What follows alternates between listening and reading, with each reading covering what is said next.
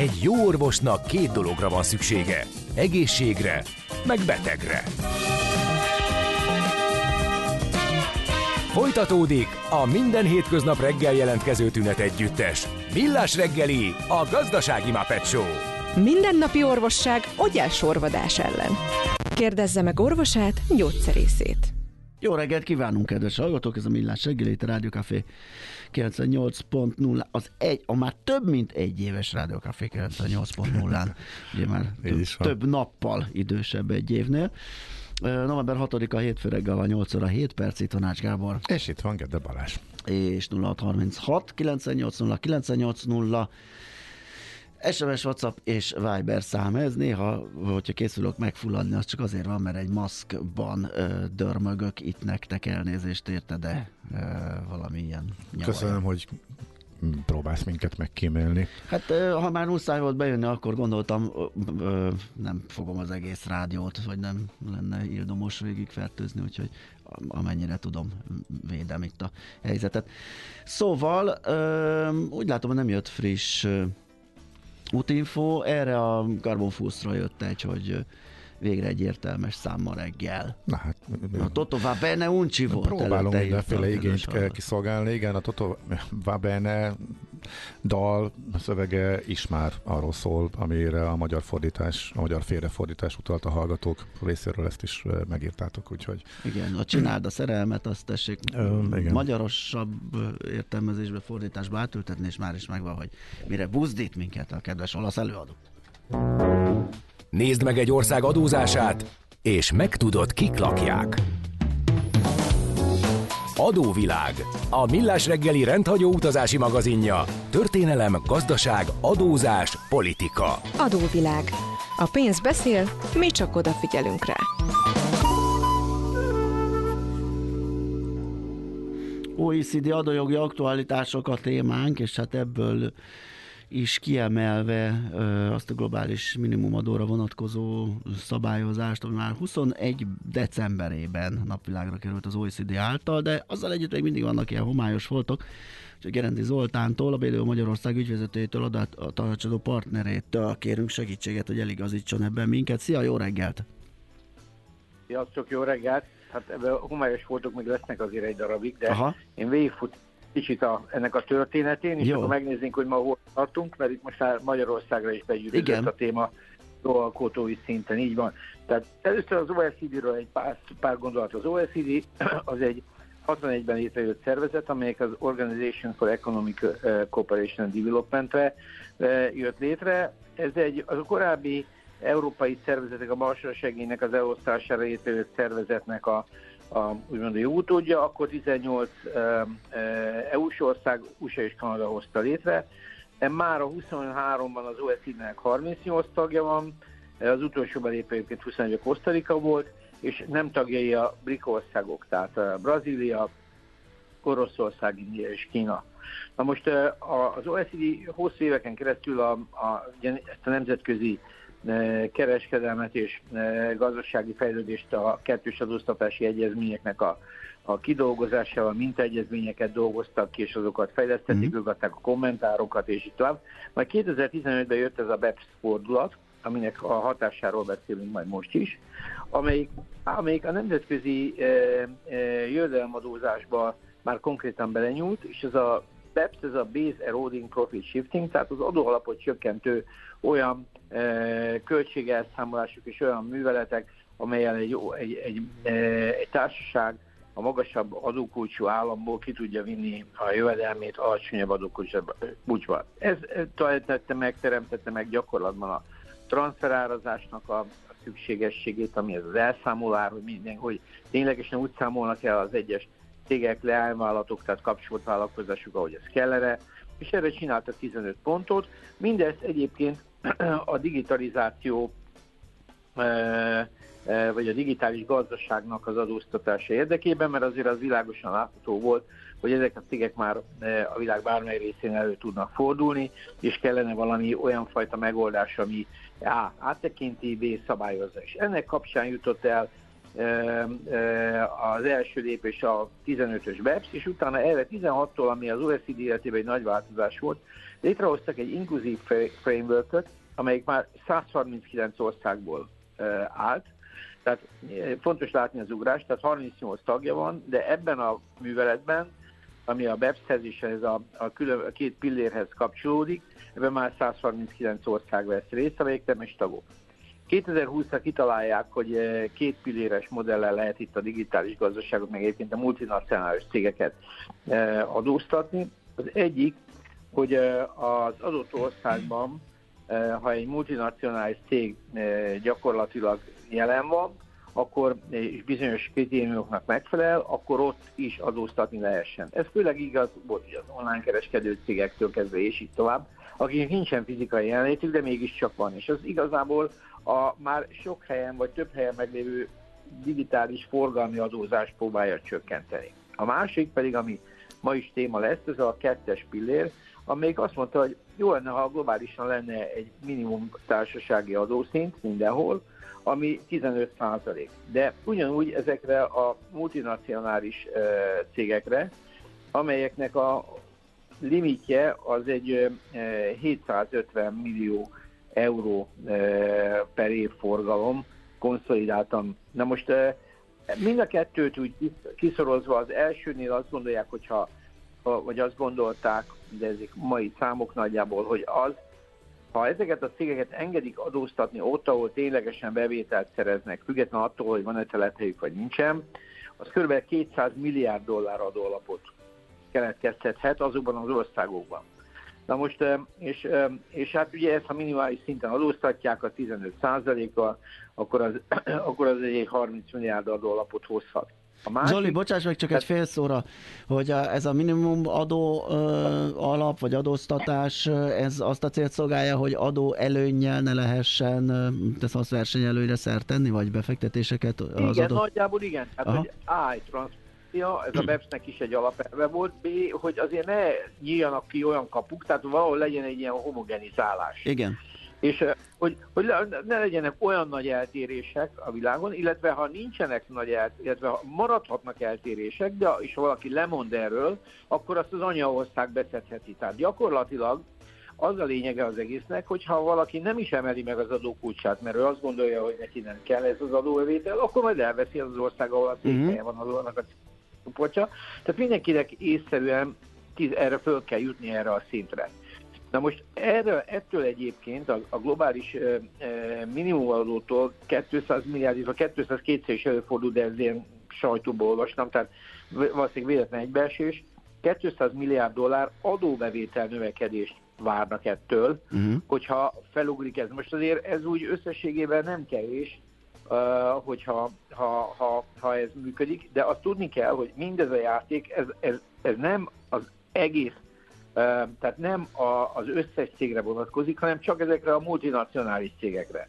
Tehát minden ország úgy vezette be, és itt, itt, itt, itt, itt vált a, az OECD egy EU alkalmazásra, és azon belül egy magyar e, eseményé, hogy gyakorlatilag a 750 millió eurós, tehát nagyjából a 280-300 milliárd forint konszolidált forgalmat meghaladó cégeknél jöhet ez be. Most ilyen Magyarországon úgymond magyar jogon is van, tehát azért Magyarországon van 10-15 cég, tehát a MOL, Audi, G, akkor gyakorlatilag itt van az EON, a, Samsung, tehát van itt egy csomó cég, Philips, MVM, Tesco, Magyar Telekom, szóval jó egy pár olyan cég van, amelyik ezt a nagyságrendet eléri, és akik ebbe be fognak kerülni, de úgymond akik ez alatt vannak, azoknak marad, ami van. Uh-huh. Tehát azok maradnak a 9%-ban. Tehát mit, amiről most beszélünk, az, az, azokat érinti, akik úgymond ebben a nagy ligában Igen. játszanak.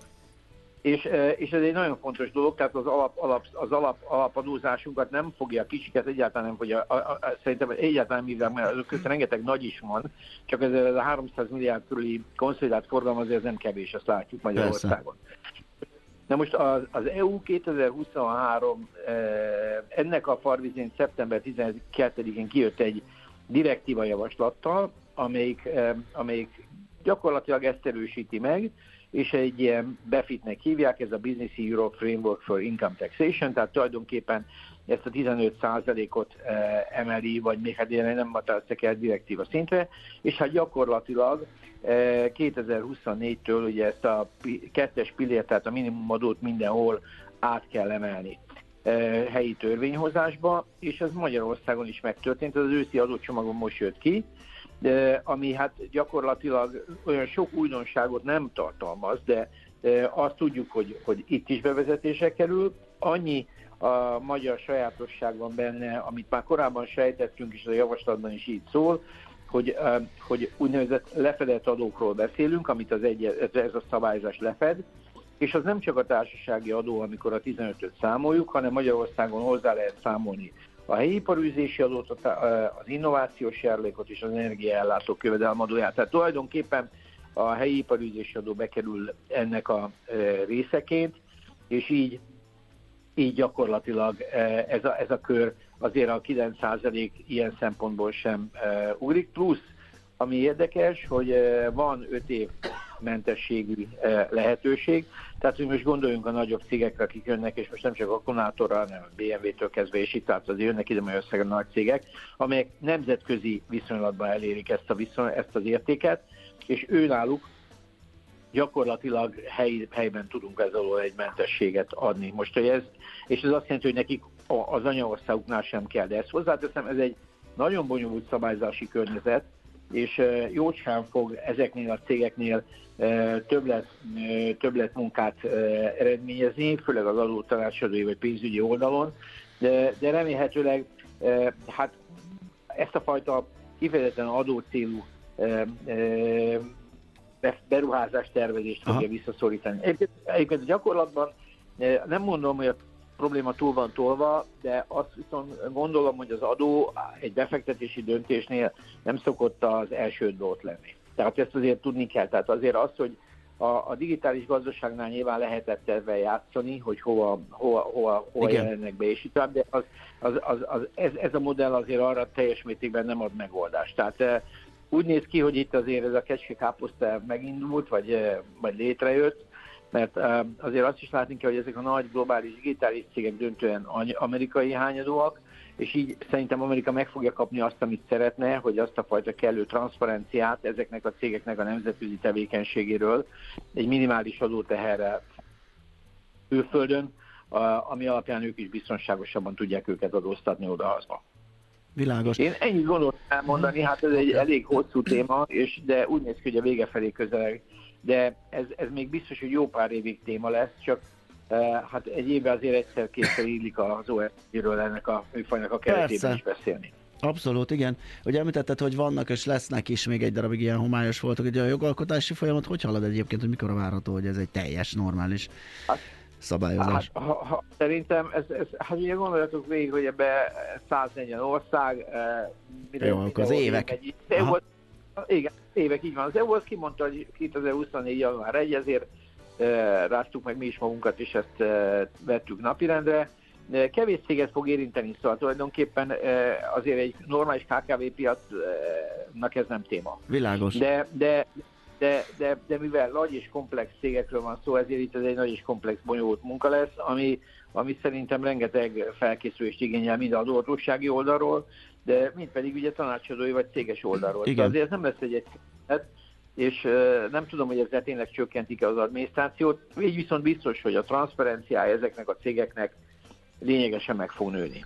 Világos, oké, okay, nagyon szépen köszönjük, hogy beszélgettünk erről. Nagyon szívesen, jó jobbulást. Köszönöm szépen neked, szép, nap, szép napot. Szia Zoli. Köszönjük, sziasztok. Gerenti Zoltánnal a BDO Magyarország ügyvezetőjével, adó tanácsadó partnerével beszélgettünk.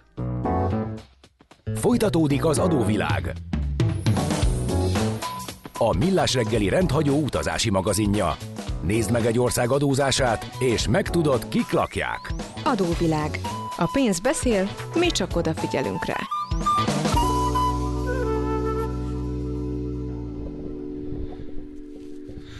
Nos, megyünk tovább, és itt maradunk Európában, merre tart Európa, a különböző csúcsok. Egy USA-EU csúcs, de a tagállami csúcs is ö, zajlik, zajlott, költségvetési kérdésekre próbáltak választ ö, adni, kapni a, a tagállami vezetők. Ezekről, vagy ezek eredményeiről kérdezzük majd dr. Feledi Botond külpolitikai szakértőt. Szia, jó reggelt! Sziasztok, jó reggelt kívánok! Na, ez egy kicsit ellapult itt a hírfolyamban, sajnos a duló háborúk, meg egyéb hírek elfedhették esetleg a, a kevésbé szemfüles olvasó elől, hogy mi történik itt Európában. Miért fontosak ezek? Milyen témájuk volt ezeknek a csúcsoknak? Mire ö, lehetett ezeket, ö, vagy mi lett a végső következtetésük, megállapításaik, ha voltak ilyenek?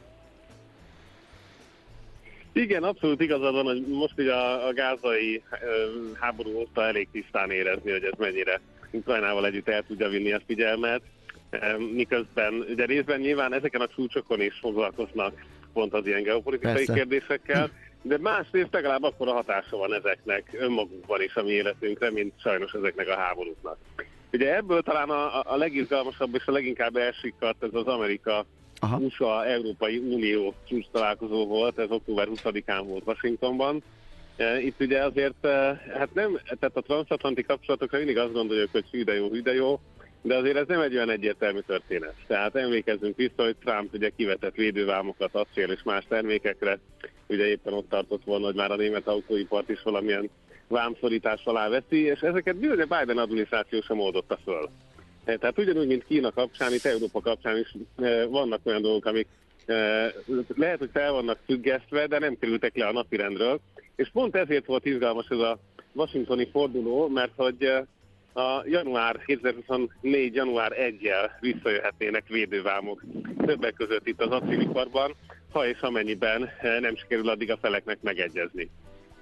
A, másik ugyanilyen fontos, egyébként lelövöm a point, nem sikerült, tehát ráadásul, ráadásul ez, ez nem jött össze, mert hát az amerikaiak nagyon kemény tárgyalók, az Európai Unió részéről nem tudjuk, hogy miért reménykedtek utolsó percig abban, hogy ez összejön, és hát itt azért voltak olyan diplomáciai források, és ugye innentől lesz izgalmas ez az egész geopolitika, hogy Blinkennek egyszerűen Gáza miatt nem volt ideje a saját adminisztrációját jobban fölkészíteni a tárgyalásokra. Emlékezünk vissza, hogy már ugye ott rögtön utazgatott Aha. október 7-e eh, után Tel Avivba. Tehát ez tényleg... És azóta, és azóta is folyamatosan, folyamatosan érthető módon. Igen. Tehát, hogy, hogy ez, egy, ez egy kemény dolog, amikor párhuzamosan kell, és ha kellenek vezetői döntések, akkor most kérdés, hogy ezt egy Tel Avivi gépen kell valahogy kigondolni, miközben nem ott van az embernek a feje.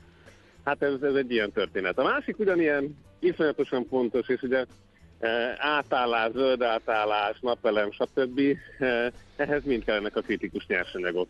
Szerintem erről már veletek is többször beszéltünk, de mhm. nem lehet elégszer beszélni, mert, mert egyszerűen hát az Európai Unió szempontjából itt ugye finoman szóval a harmadik helyen vagyunk a USA és Kína mögött.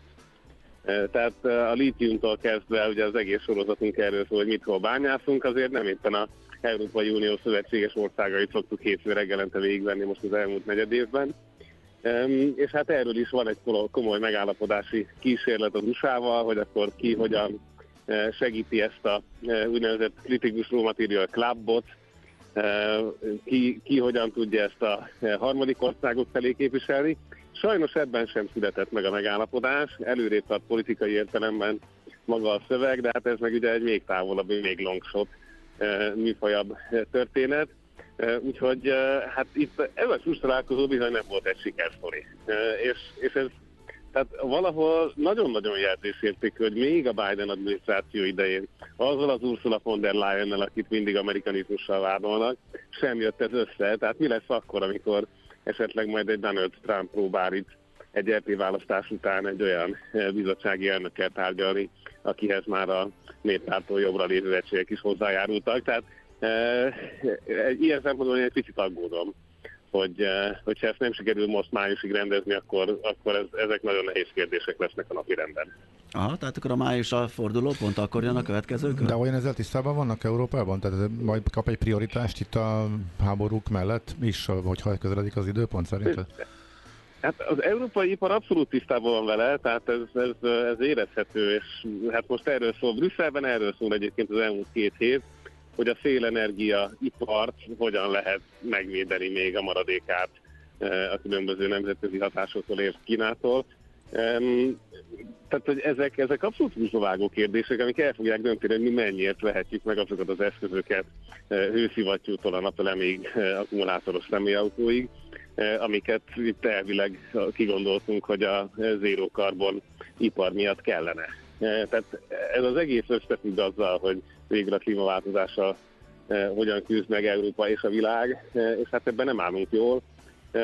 Pláne, hogy ugye az egész USA attitűd az arról szólt volna, hogy Kínával szemben egy sokkal határozottabb fellépésre vegyék rá még az Európai Uniót, amit az EU a WTO szabályok megsértése félelmében nem akart elfogadni, mint álláspontot. Tehát itt is van egy különbség, Európa még mindig igyekszik egy picit nyitva tartani a, a, a Kína politikáját, nem, nem elvágni a vonalakat, annak ellenére, hogy folyik ugye az európai vizsgálat a kínai elektromos autóiparral szemben, de ez önmagában még messze nem annyira harsány, mint az USA, ahol meg ugye októberben meghozták a következő úgynevezett, hát mondhatnánk, hogy chip szankciós csomagot, de tulajdonképpen ez túlmutat azon, tehát számítási kapacitás korlátozást célzó szankciós csomag. Tehát ilyenekről beszélgetünk, és hát ezekről a háború mellett nagyon-nagyon kevés idő jut, holott sajnos nagyon bonyolult témák. Tehát múltkor megpróbáltam megérteni, hogy az amerikai szankcióban hogyan határoznák meg, hogy mit nem lehet eladni, és hát ez egy kis fizika lecke, sőt. Aha. Tehát ez egy, ez egy nagyon komoly, nagyon komoly dolog, hogyha az ember ezt így át akarja látni. Egyébként tényleg annyira bonyolult, hogy ráadásul tavaly 2022-ben ezt még nem is tudták jól leírni az amerikai eh, eh, Trade és State Department részéről, tehát még egy évig voltak lyukak a pajzson, amit most fotóztak be.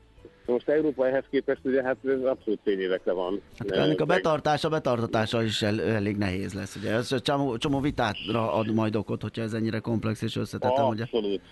Uh-huh. Abszolút hihetetlen izgalmas történet, és ebbe szaladtak bele a holland barátaink, akik ugye exportálnak uh, ilyen litográfiai, tehát gyakorlatilag uh, félvezető nyomtató berendezéseket, uh, és nekik is meg kellett tudni határozni, hogy mit szabad eladni, mit nem, és hát a végeredmény az az, hogy látjuk, hogy Kína mit tud produkálni, vagy mit nem, és mi az, amit akkor házilag megpróbál összerakni, mi az, ami neki sikerült, itt ugye látunk azért sikereket. Persze. Tehát ez, ez, ez életbevágó kérdés lesz akkor, amikor tényleg az AI-hoz a számítási kapacitás kell, de ugyanúgy a komoly katonai eszközökhöz, vagy minden máshoz. Hm. Az túlzott leegyszerűsítés, hogy Európa túlságosan rá van szorulva Kínára, és most Amerikára is végül, és hát ugye pont egy része volt a ukrán uh, háborúnak a az ukránoknak a támogatásának a kérdés, amiről ugye a múlt héten uh, beszélgettünk, úgyhogy Európa abszolút nincs könnyű helyzetben. Nem, hát Európa saját magának itt hosszú évtizedekig ásta ezt a nehéz helyzetet, hogy a, a kritikus erőforrásoktól a rengeteg kiszervezett melónát, de az USA is az iPhone összeszereléssel bezárólag e, rengeteg dologban rá voltunk, vagyunk utalva az USA-ra, a Kínára is, az USA is rá volt utalva Kínára, és uh, ugye most jelent meg éppen a, a borlásban a remek arról, hogy akár még az atomiparban és a, a, különösen a nukleáris működőanyagban hogyan vagyunk ráutalva Oroszországra. Eh, tehát, hogy mekkora a dominanciája az oroszoknak És még az USA is. És még az USA is, pontosan. Tehát, Igen. Hogy, hogy ezeket a stratégiai iparágakat, amiket az egész hidegháború alatt mindenki jó felfogott, hogy nem szabad kiengedni, ezeket sajnos a, a vadkapitalista 90-es évek azok elengedték, és onnantól kezdve ezeket nem sikerült visszamenteni. Na most ennek az árát és ennek a erőködését fizetjük, látjuk, hogy hogyan lehetne ezt valahogy még az autonómia részévé tenni, és erről szólnak ezek az erőfeszítések, csak hát az USA ebben meglehetősen határozottan lép el előre, és ha kell, akkor nyomtat egy kis dollárt. Aha, igen. és Európa ebben meg hát ugye azóta is erről van szó, hogy akkor most az IRA, tehát az Inflation Reduction act vagyis a zöld támogatási csomagban, amit csak így kereszteltek el, ezzel hogyan tudja felvenni Európa a versenyt, és hát lassan.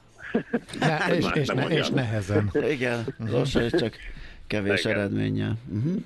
Hát és ezt, akkor van igen. ez a kétnapos európai csúcs találkozó, ugye ez múlt ez a két hete pénteken, még október utolsó péntekén, csütörtök péntek, amikor ugye az első nap csak Gázáról volt szó, amikor eldöntötték, hogy többes számba legyen a humanitárius szünet, vagy egyes számba, Um, ami tényleg egy annyira izgalmas, durva beszélgetés volt, hogy még a állam és kormányfő, tehát Orbán Viktor se vihette be elvileg a mobiltelefonját a tanácsterembe, tehát ennyire kritikus.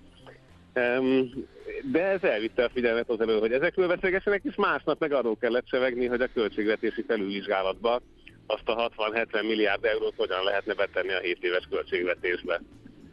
Na most azért ez, hát ez nem azt jelenti, hogy megbeszélték az iparpolitikát, pedig azt kéne.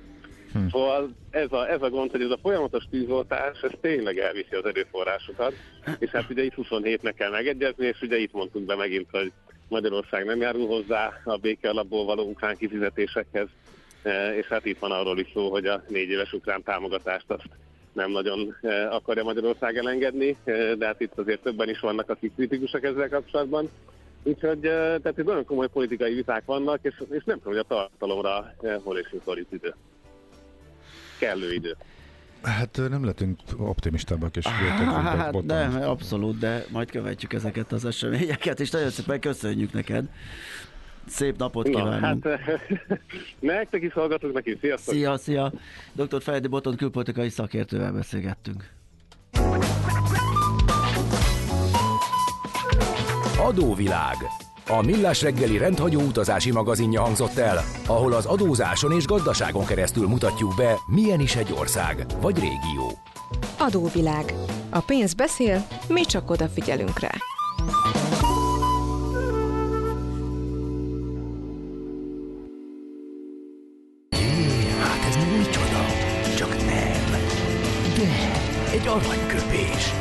Napi bölcsesség a Millás reggeliben.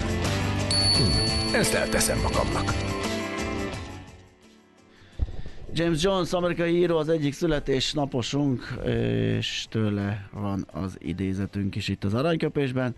Azt mondta egy alkalommal, hogy ha az ember az élettel ül kártyázni, annak a pakliával kénytelen játszani, nem a sajátjával. Igen, ezt egy kicsit úgy gondolni, vagy átgondolni kellett, hogy miről is lehet szó. Igen. Hát kicsit az a sorsszerűség, hogy a dolgok így jönnek, ahhoz lehet igazodni, több-kevesebb sikerrel változtatni. Hát az viszont persze nehéz, Igen. nehéz vitatkozni, jó hangzik. Igen. Nálad lenne a pakli, vagy a te pakli lenne, azért lássuk be, hogy kicsit másképp alakulnának dolgok, bizonyos dolgok. Ez így van. Nem tudod, hogy az információ özönben mi a fontos, mi a piacmozgató? Gyors jelentések, gazdasági mutatók, események? Csatlakozz piaci hotspotunkhoz, ahol friss és releváns információ vár. Jelszó Profit. Nagy P-vel. Turna György, az Ersze befektetési ZRT USA Desk üzletkötője van a vonalunk túlsó végén. Szia, jó reggelt! Jó reggelt!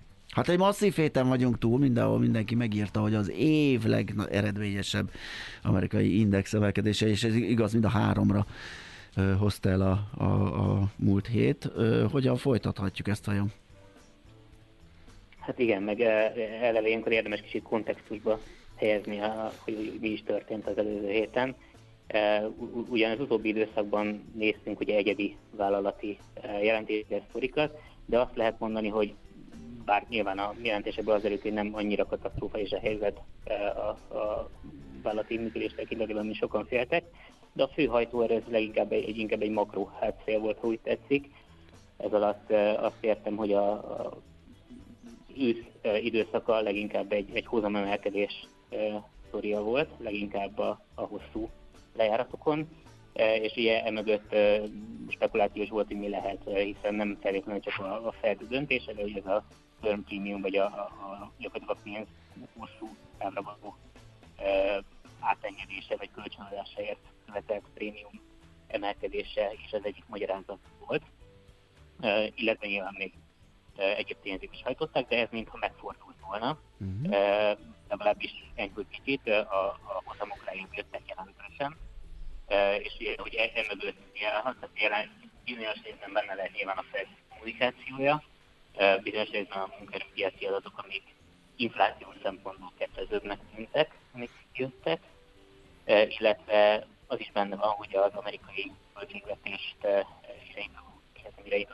a kölcsönvétel vételt lebonyolító Treasury Department ugye egy olyan finanszírozási tervet adott közre, ami kevésbé emeli meg a, a kibocsátásokat a, a hosszabb lejáratokon, mint azt a piac gondolta volna, és ez a hármas ez így egyszerre adott valószínűleg egy, egy pozitív löketet, illetve azt is hozzá kell tenni, hogy a piaci szereplők pozícionáltsága viszont e, e, extrém mód pessimista volt. Aha. És, és ha úgy tetszik, most így visszalendültünk, vagy, vagy egy egyszerre, egyszerre jött pár olyan adat, pont pár olyan hír, ami, ami segített lejjebb mind a hozamokat a, a kötvénypiacon, és lejjebb tolni a, a részvényárfolyamokat, miközben ezt egy, ezt egy annyira egyirányúan pozícionált piac fogadta, hogy ebből szinte csak egy, egy, egy, egy nagyon, nagyon erős hét lehetett. Aha, a kirázódás uh, meg a pozíciózárás segítette az optimisták vételi megbízásait is. Igen. Illetve az emelkedést. Uh, hogy igen. Hogyan, igen, igen, hogy ez hogyan folytatódik, ezt ilyen relatíve nehéz, nehéz megjósolni. Ilyenkor ez a lelkesedés kitarthat nyilván egy darabig, illetve azt is meg fogjuk látni, hogy ahogy jönnek frissebb adatok, hogy a munkerőpiac valójában e, e, enyhülött a, a, a, nyomás, vagy, vagy ténylegesen ez csak egy egyszerű vagy rövid időben, rövid ideig tartó emelkedés volt ugye a job én is a job meg, meg, meg, meg, kell nézni, hogy ez mennyire tartós folyamat az egyik oldalról, illetve hát majd a, a hozamok sem triviális, hogy tovább fognak csökkenni, tehát én azt mondanám, hogy ezeket a, a makro adatokat érdemes majd követni, de a jövő héten olyan nagyon tiszta képet, vagy hát ezen a héten erről olyan nagyon tiszta képet még valószínűleg nem fogunk kapni. Uh-huh. Akkor elképzelhető, hogy ez, ez csak egy ilyen relief rally lesz, egy ilyen a Fed kamatemelés, vagy a kamatok egyáltalán így egybekezelve, kamatok hozamok emelkedésének a megtorpanása kivált egy ilyen, egy ilyen eufóriát, aztán esetleg megint átcsapunk valami rosszabb piaci teljesítményben? Én ezt teljesen el tudom képzelni, különösen akkor szokott ilyen, ilyen éles váltás lenni, amikor egy irányba gondolkodik a piac, egy irányba, egy irányba jönnek a hírek, és most át, átcsapunk a másik végletbe, igen teljesen elképzelhető. Hát meg a sorrendet tekintve valami olyasminek kéne jönni, hogy egy kicsit a vállalati eredményeken elkezdjük érezni. Tehát először éreztük az infláció, meg a munkaerőpiacon a kamatemelések hatásait, és előbb-utóbb azért az eredményességbe is kell, hogy valami nyomot hagyjon, gondolom én. Persze nagyon optimista forgatókönyvek léteznek a soft landingre, hogy majd egy erős gazdaság mellett megy le az infláció, meg javul a vagy gyengül valamelyest a munkaerőpiac, csak hát ez inkább ilyen mesekönyvekbe való elképzelés. Így van, ilyet nem nagyon láttunk, de, de valóban e, egyrészt egészen eddig azt lehetett mondani, hogy az amerikai munkerőpiac irreálisan erős, tehát Aha. E, e, egyrészt ott van ez, tehát hogy eddig azért alátámasztották a makroadatok ezt a pozíció optimista forgatókönyvet.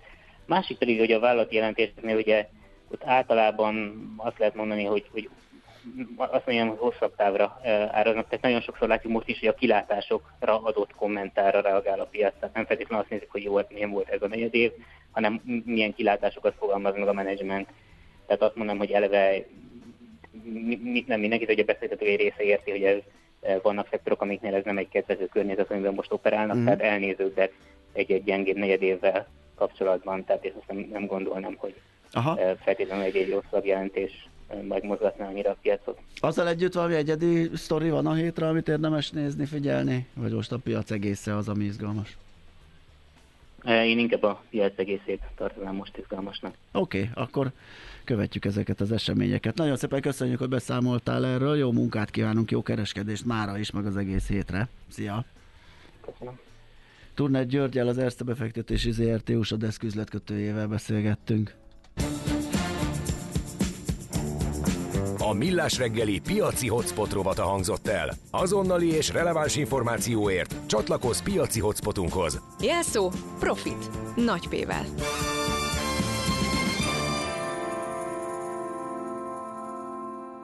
Nyugodjon meg, nekik azt mondtuk, maguk az őrültek.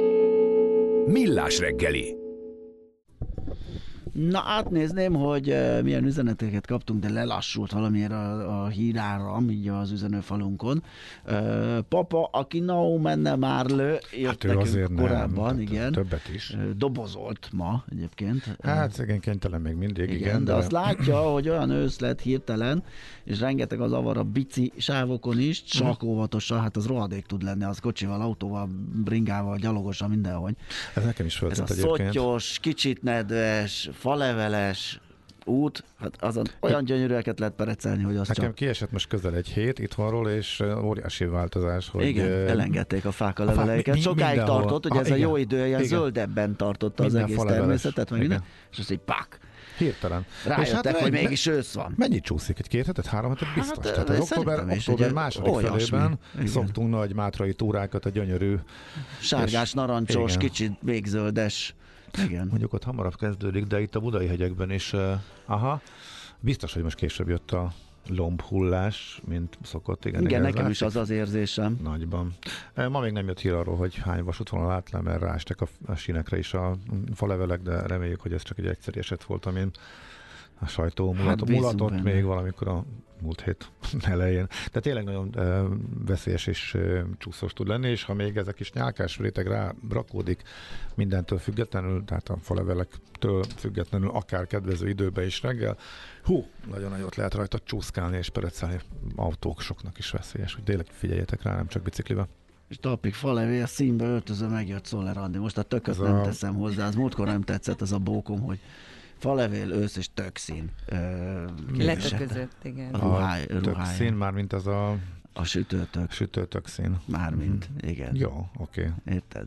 Akkor ez most nagyon kedves, köszönöm. Na, de ez most csak a faleveles Kijavítom, tegyél, mondja valami szebbet is.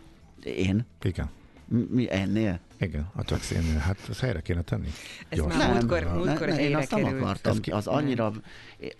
Ja, én, én úgy éreztem, hogy ez egy annyira találó, és annyira Aha. szép és meleg dicséret volt, hogy Na jó, mindegy. Jó, hát, mondjuk, ne idézzük fel azokat a kedves emlékeket. Fel. Mondjuk finoman azért az látszik, hogy nem ment át. Tehát azért az hát, a reakcióból számomra igen. elég egyértelmű most. Roller Andi kicsit kifogásolta, hogy azért, az, sőt az András meg az egyenesen azt, hogy ezzel azért nem menjek csajozni. Hát kaptam még ideget, meleget, de pedig az jó volt. Menjen, jöjjön a hírek, utána pedig jövünk vissza, folytatjuk a millás De mondjuk el, hogy mivel.